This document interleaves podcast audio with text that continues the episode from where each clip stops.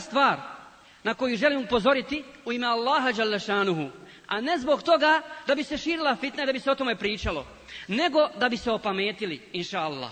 Jeste knjiga koja se pojavila na ovim našim prostorima, prijevod knjige pod naslovom Potvore ili podvale teorije evolucije. Teorije evolucije od izvjesnog autora Haruna Jahja. Vi ćete vjerojatno svi doći do te knjige. Što se tiče prvog dijela knjige, ona je dobra, nema govora. Ona na jedan naučno utemeljen način pobija davno već pobijenu teoriju evolucije od toga da je život na zemlji nastao slučajno ili da je nastao nekakvom selekcijom, da je čovjek nastao od majmuna i tako dalje. Ta teorija je pobijena.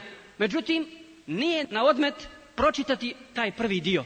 Međutim, ono što zbunjuje i što dovodi ljude u sumnju jeste drugi dio knjige koji govori o akaidu, koji govori o akidi, na daleko zbunjujući način pomeni nego Darwinova teorija evolucije.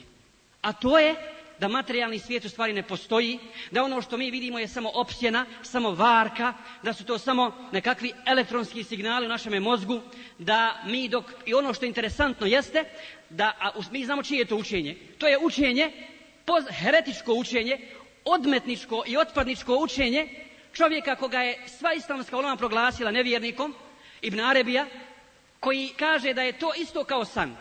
Čovjek često puta sanja, kaže da jede, ali on u stvari ne jede. Sanja da pije, ali on ne pije. Tako isto najavi, to je isto.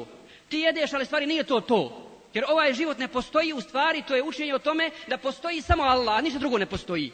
I ona poznata teza fena filla utapanje u Allahu. Da stvarno, suštinski samo postoji Allah, ništa drugo. Dakle, vjerovatno i ove stvari koje ja pričam na ovako jednostavan način, mnogi ne razumiju. To je ono što zbunjuje ljude.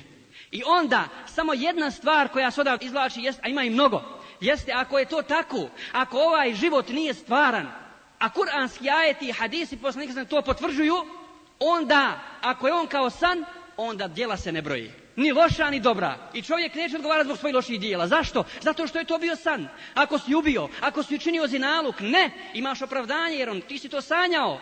To nije u stvarnosti. Dakle, upozoravam na taj dio knjige u ime Allaha Đalešanuhu i treba napisati odgovor na tu knjigu i to je ono dakle što ljude i kako zbunjuje pa ne znaju gdje će se i kako opredijeliti.